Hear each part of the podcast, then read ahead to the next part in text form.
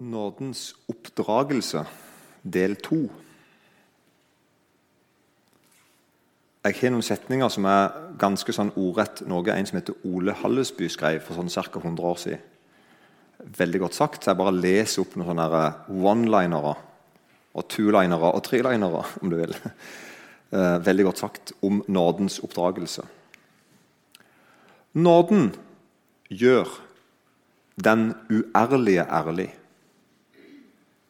Den hardhjertede mild. Den gudløse gudfryktig. Den onde god.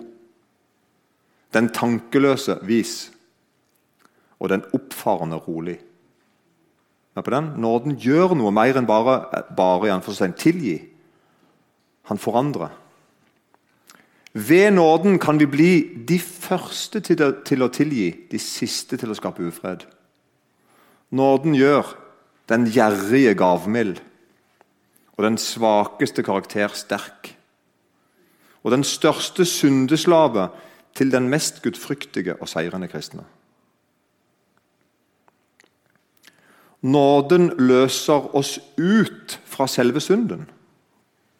Den gir oss lyst og kraft til å hate det onde og elske det gode. Den skaper nytt liv i dødens barn. Den renser og helliger, legger fred i sjelen, fred i hjemmet og gir fred i liv og død. Det beste om det jeg har sagt nå, er at det er ikke fin poesi. Det er kort og bare sant. Det er faktastoff om Guds nåde. Guds oppdragende nåde. Og Nå skal vi lese noen vers fra Bibelen som i min bibel, bibel jeg bruker en som heter Bibelen Ressurs. og den står der I kommentarfeltet under det vi nå skal lese, så står det at dette er noen av de klareste ordene i Bibelen om Guds nåde. Det er ikke bare den Bibelen der som er funnet på det. det er altså på en måte Kirkehistorien viser det. At det, det er noen vers som på en måte blir kalt for noen av de klareste ordene i Bibelen om Guds nåde. De står i Titus brev. Paulus brev til Titus, i kapittel 2 og vers 11. Der skal vi lese noen vers. og Vi skal jo lese litt i kapittel 3. Men i Titus kapittel 2 og fra vers 11 og I min bibel er overskriften 'Guds nåde opptukter til et gudfryktig liv'. Og en annen sier altså at Guds nåde oppdrar til et gudfryktig liv. For Guds nåde er åpenbart til frelse for alle mennesker. Det er den nummer én. Og så kommer det med en gang det vers 12. Ikke som en kontrast, men som en utdyping. Hva vil det si? Den opptukter oss til å fornekte ugudelighet og de verdslige lystene. Til å leve sedelig og rettferdig og gudfryktig i den verden som nå er. Rart. Guds nåde gjør det. Mange tenker nok at det er Guds bud som gjør det. Ikke sant? At, liksom, at det kommer et bud og sier ta deg sammen. Sant? Følg disse budene. Og Budene skal vi ikke snakke negativt om, altså. men når Bibelen skal si hva som oppdrar deg, som lærer deg å leve hellig, så er det Guds nåde. Og så er det godt å her, se her at det står at det, at det, altså, Den opptukte oss til til å, fornekte gudlighet og de verslige lystene, til å leve sedelig, rettferdig og gudfryktig i den verden som nå er. Og Det er litt fint det står der. For Noen ganger tror vi tenker sånn Ja, jeg skulle alltid ha gjort det, hadde det ikke vært for prikk, prikk, prikk. Sant? Jo, det skulle godt ha gjort det, hadde det ikke vært for at sånn, sånn, sånn. Men det er altså i den verden som nå er. Så det er liksom på Nærbø eller Bryne eller Akershus eller Tromsø eller Det er liksom sånn. Den verden som er nå. Og så står det til meg hvordan vi skjer videre da, mens vi venter på det salige håp. Vi vet hva det er. sant? En dag skal jeg hjem. Heim, heim. Og åpenbaringen av den store Guds og vår frelser Jesu Kristi herlighet. Han som ga seg selv for oss for å løse oss ut fra all lovløshet. Det var det han skulle gjøre. Når Jesus frelste meg, så løste han meg ut ifra lovløshet. Jeg skal ikke lenger være ulydig. Jeg skal ikke lenger være en lovløs fyr, for jeg er blitt løst ut. Og han renser for seg selv et eiendomsfolk som med iver gjør gode gjerninger. Tenk det, da. Det vi som er kjennetegnet på de som virkelig har sett hvor Guds nåde er, som virkelig forstår hvor Guds frelse er, som virkelig stoler på det salige håp der framme. Hva er det de gjør? Jo, de lever hellig, de lever ustraffelig, og de med iver gjør de gode gjerninger. Så sier Paulus da i eh, vers 15.: Tal dette og forman og irettesett med all myndighet. La ingen forakte deg. Så Han sier egentlig til Paulus, til Titus, kjør på. Vær frimodig. Bare si det. Ser du? Paulus setter ikke nåde og hellighet opp imot hverandre. Og liksom sier at nå må du velge, Vil du leve hellig og ikke få det til, eller vil du liksom heller la være med det og så heller fokusere på nåde? Nei, Det er helt tydelig at Paulus sier at det henger sammen. det er sånn det er. Vil du leve hellig, ja, ta imot Guds frelse. Ta imot en aldeles ufortjent nåde. Bli møtt av far, som elsker deg på tross av alt, absolutt alt som er i deg. Bibelen ber deg ikke velge mellom tilgivelse på ene sida og et liv i omvendelse og renhet på den andre sida. Nei, det ene henger sammen med det andre.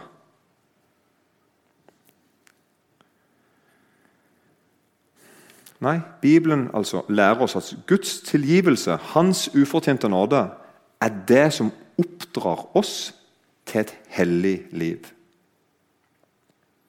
Det sto jo sånn, som vi akkurat las i Titus 2,11 og 12. For Guds nåde er åpenbart til frelse for alle mennesker. Den opptukter oss til å fornekte ugudelighet og de verstlige lystene, til å leve sedelig og rettferdig og gudfryktig i den verden som nå er. Dette er den sunne lærer. Dette er sann kristendom. Dette må du leite etter. Dette må du ønske, dette må du hige etter. Vi er ikke bortkomne sønner mer, eller døtre. Vi kom hjem. Vi møtte far. Av Guds nåde er vi ikke lenger den sure, hjemmeværende broren. Vi møtte far. Sant vel? Vi har møtt far. Vi har opplevd ufortjent velkomst. Vi har blitt kledd opp, fått nye sko, ring på fingeren, vi har spist gjøkalv, og vi har dansa og gledet oss. Vi er hjemme. Og det er nå det hellige livet ditt begynner. Når du ser det. Han har gjort alt. Derfor skal jeg òg det. Hvis vi leser i kapittel 3 vers 1 i Titus brev, så hører vi en seiersfullt Paulus som skriver Minn dem om sier altså Paulus til Titus når han er rundt og forkynner. Minn dem om å underordne seg under styresmakter og myndigheter, være lydige, alltid ferdige til å gjøre godt, ikke spotte noen, ikke være stridslystne, men milde og vis all ydmykhet mot alle mennesker. Ganske sånn drøyt å si, og aldeles evangelisk. Og Så legger han da til i vers 3. Han liksom sier sånn altså, Gjør dette. Lev et hellig liv. Lev fint, lev godt, lev rent. Og Så legger han da til i neste vers. For også vi var en gang uforstandige, ulydige, villfarende. Vi har treller. Vi var treller under mange slags lyster og begjær. Vi levde i ondskap og misunnelse. Vi har forhatt og hatet hverandre. Han innrømmer det, Paulus. Jeg er ikke perfekt, liksom. Men da Guds, vår frelsers godhet og kjærlighet til menneskene ble åpenbart, frelste han oss. Ikke pga. rettferdige gjerninger som vi hadde gjort, men etter sin miskunn. Ved badet til gjenfødelse og fornyelse ved Den hellige ånd, som Han rikelig har utøst over oss ved Jesus Kristus, vår frelser. For at vi, rettferdiggjort ved Hans nåde, skulle bli arvinger til det evige liv, som vi håper på. Ser du hvordan det bare veves sammen her? Det er en nåde, det er en ufortjent nåde, det er en tilgivelse som du kan få. Og I det øyeblikket du får den, så oppdras du til å leve et hellig liv. Det er et troverdig ord, og dette vil jeg at du skal innprente for at de som tror på Gud, må legge vind på å gjøre gode gjerninger. Dette er godt og nyttig for menneskene. Dette leter jeg etter. Jeg leter etter det hos deg og dine. Jeg leter etter det hos troens folk. Jeg leter etter et folk som sier 'jeg har lyst til å leve hellig'. Og Det som skjer når du har lyst til å leve hellig, det er at du opplever at det er noe inni deg som ikke er hellig. Og det er det mange som tenker at det er ubehagelig, så jeg vil helst slippe det der. Jeg vil bare heller bare spille for litt, og så vil jeg heller bare være en bortkommen sønn og datter noen år til. Er du med? Men du må komme hjem. Brevet slutter sånn. Paulus sier seg til Titus.: Gjør alt du kan for å utruste Senas, den lovkyndige, og Apollos til reisen, så de ikke skal mangle noe. Og så kommer det. Også våre egne folk må du lære å gjøre gode gjerninger, der det er behov for det, så de ikke skal være uten frukt. Du tror det er sånn rar sånn praktisk tilnærming til det hele. Alle som er hos meg, hilser deg. Hils dem som elsker oss i troen. Nåden være med dere alle. Nåden like godt være med dere alle.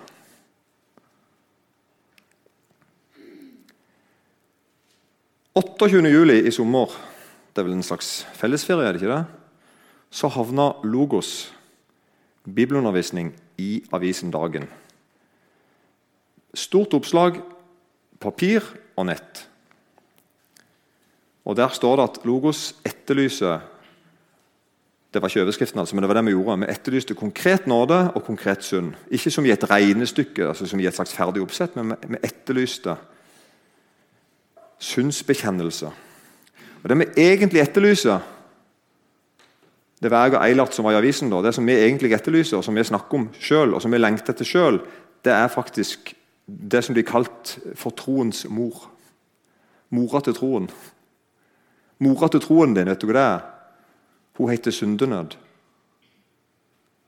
I det øyeblikket du får problemer med syndet ditt, trenger ikke være noe veldig mye, så glem hvordan de andre noen forteller om at de knekker i håp og detter ned og griner i fire uker. Sånn. Kanskje du bare kjente det sa stikk, så var det ferdig. Men du fikk en syndenød. sant? Du kjente det var noe i livet ditt som ikke var som du skulle. Og så stakk det. Hva gjør du da? Jo, da husker du. Det er én som sa jeg kunne komme hjem sånn som jeg var. Det var en som ikke behandler meg sånn som jeg fortjener men som elsker meg, og som vil gi meg masse gode ting som jeg ikke fortjener. Sant? Og så begynner du å gå til han. I det øyeblikket du begynner å gå til han, det er det samme som å begynne å tro på han. Så det er troens mor. Sånn så det ut i papiravisen over to sider. og så sto der, Overskriften var 'Etterlyser mer synsbekjennelse i bedehusland'. Som ligger rett bak Nederland. Nei da. Um, er du ikke med? Det er et, liksom, et rart begrep, men nå, nå kaller vi det bedehusland. altså sånn, Bedehus Norge. Og Jeg vil gjenta etterlysningen her. Og Jeg vil særlig spørre hvor er dere foreldre henne? Altså foreldregenerasjonen. Og hvor er besteforeldregenerasjonen i dette? Altså hvor er syndenøden henne? Hvor er all snotten og tårene over det som ikke gikk som det skulle? Skjønner du hva jeg mener? Det er en sang som ikke jeg har sunget så veldig mye, men han, han gikk på repeat når jeg var ung. Den heter 'Hvor lenge er det siden du bøyde kne'? Har du ikke hørt den? Nei, han fins. Du skjønner, du ikke skjønner spørsmålet? Sangen begynte sånn, for var, spørsmålet var sånn dypt alvorlig. Sant? Du kan ikke snakke om at en eller annen gang i tida så møtte jeg Gud, og sånn, men så er spørsmålet hvor er du hen i dag? Liksom. Hvor lenge er det siden du bød kne? Det er en sang som foreldregenerasjonen og besteforeldregenerasjonen kan. Og de bør svare på det. Min erfaring er at vi har mista den oppdragende nåden av syne. Jeg mener selvfølgelig ikke at ikke den fins i Norge i det hele tatt. det er ikke det jeg mener, Men jeg mener at den blir holdt nede. Ja, til og med ofte blir den oppdragende nåden advart mot. Og Noen mener faktisk at det er noe du helst ikke skal holde på med. Ikke tenk så mye på det der nye livet og det hellige livet. Nei, Konsentrer deg om det der andre. Konsentrer deg om å være bortkommen. Hvis du skjønner bildet. Men merk deg det, det fins ingen ekte nåde som ikke oppdrar. Det fins ingen som er tatt imot Guds nåde, som ikke i samme øyeblikk begynner å kjenne på lysten til å leve hellig, ulysten til å leve uhellig, ulysten til å synde. Du merker det, ikke vel? Det henger sammen. Som dere sikkert hører, så er jeg veldig glad i Ole Hallesby for tida. Eh, jeg leser en andagsbok, eh, så det handler sikkert litt om det. at Jeg, jeg leser den litt hver dag. liksom. Sikkert litt derfor. Dette er en andagsbok som er skrevet for nøyaktig 90 år siden, tror jeg. Og I uh, andakten for 18. oktober, for de som er spesielt interesserte, så har han en andakt over strid, troens gode strid. Det er, et, det er en anbefaling som Timoteus får i 1. Timoteus 6,12. Strid, troens gode strid. Jeg vil lese den andakten. Er det greit? Han er, han er ikke veldig lang, så det går helt fint å høre etter, tror jeg. Så skriver han sånn om det verset. da, Strid, troens gode strid. Martin Luther sier et sted at troen lever ikke lenger enn den strider. Er dere med på det uttrykket? I det øyeblikket troen ikke strider mer, i det øyeblikket ikke er kamp mer, så dør på en måte hele greia. Og Da mente han nettopp troens kamp for å fastholde nåden, når hjertet fordømmer oss i vårt daglige liv. Denne spenningen hører den levende tro til og kan aldri avspennes. Altså Du kjenner på åh, Når slutter dette her? Det er kampen! sant? Da kan jeg svare deg aldri her nede. Det er et livstegn. Det er et, et av de store livstegnene når troens menn gråter over sine synder. Når troens menn klamrer seg til nåden. Det er et livstegn, ikke et dødstegn. Det er et dødstegn når ikke de gjør det mer. Dette var altså ikke Hallesby. Nå snakker jeg meg vekk. Uh, tilbake til Hallesby. Denne spenningen hører den levende tro til og kan aldri avspennes. Fjernes den fra troens liv, så har vi den døde tro, som med forstanden fastholder den frie nåde, uten at samvittigheten får adgang til å dømme synden. Så egentlig sånn, Du må hive deg utpå og tenke at nå skal jeg prøve meg å leve hellig. Og så gjør du det erfaringer at det fikk jeg ikke helt til som jeg ville. Det er de erfaringene du må gjøre deg, for Da begynner du å ha behov for ekte nåde, for ekte synder. Ikke sant? Og så begynner du å snakke med Jesus, du begynner å henge fast på han, du begynner å være hos han. Du behøver han, du fyller deg med han, du hører på han, du flytter inn hos han. Ikke sant? Denne troens strid og spenning kan derfor aldri oppheves ved teoretisk innsikt i evangeliets hemmelighet. Ikke engang en lang erfaring av Guds nåde kan oppheve den. Du må bare ha det sånn. Det bare er sånn. Det er ikke de, så skriver han videre her da, det er ikke de dårligste kristne som har disse vanskeligheter med å tro Guds nåde. Slik var Luther, troens store helt, ofte i svære vanskeligheter nettopp med å tro syndenes forlatelse. Jo mer øm og fintfyllende samvittigheten blir, jo mer vil den anklage og jo dypere vil den ramme. En rik og lang erfaring av Guds nåde vil også skjerpe konflikten. Kan du være et Guds barn når all denne nåde har vært så fruktløs på ditt hjerte og ditt liv? Sånn, Du kjenner på det. Jeg, jeg er blitt så elska av Gud, altså, så jeg, jeg, føler jeg gjør så lite tilbake. Det blir en slags kamp inni deg. ikke sant?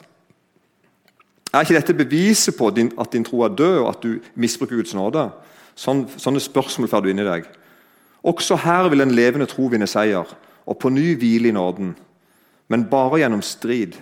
Syndenøden er altså ikke bare troens mor. Det er den som hver dag holder troen levende hos et Guds barn. Dette er veldig viktig. Gud, se i nåde til oss. Amen. Kjære Jesus, jeg ber om at du må få lov til å besøke hjertene våre, snakke inn i livet vårt. Jeg ber om at du må få lov til å påpeke ting i livet mitt som ikke er som det skal. Jeg ber om at du må få rett. Og takker deg for at du viser deg som en som jeg elsker meg tvers igjennom, som reiser meg opp, som behandler meg ufortjent, og som gir meg evig liv og nytt liv og ny sjanse.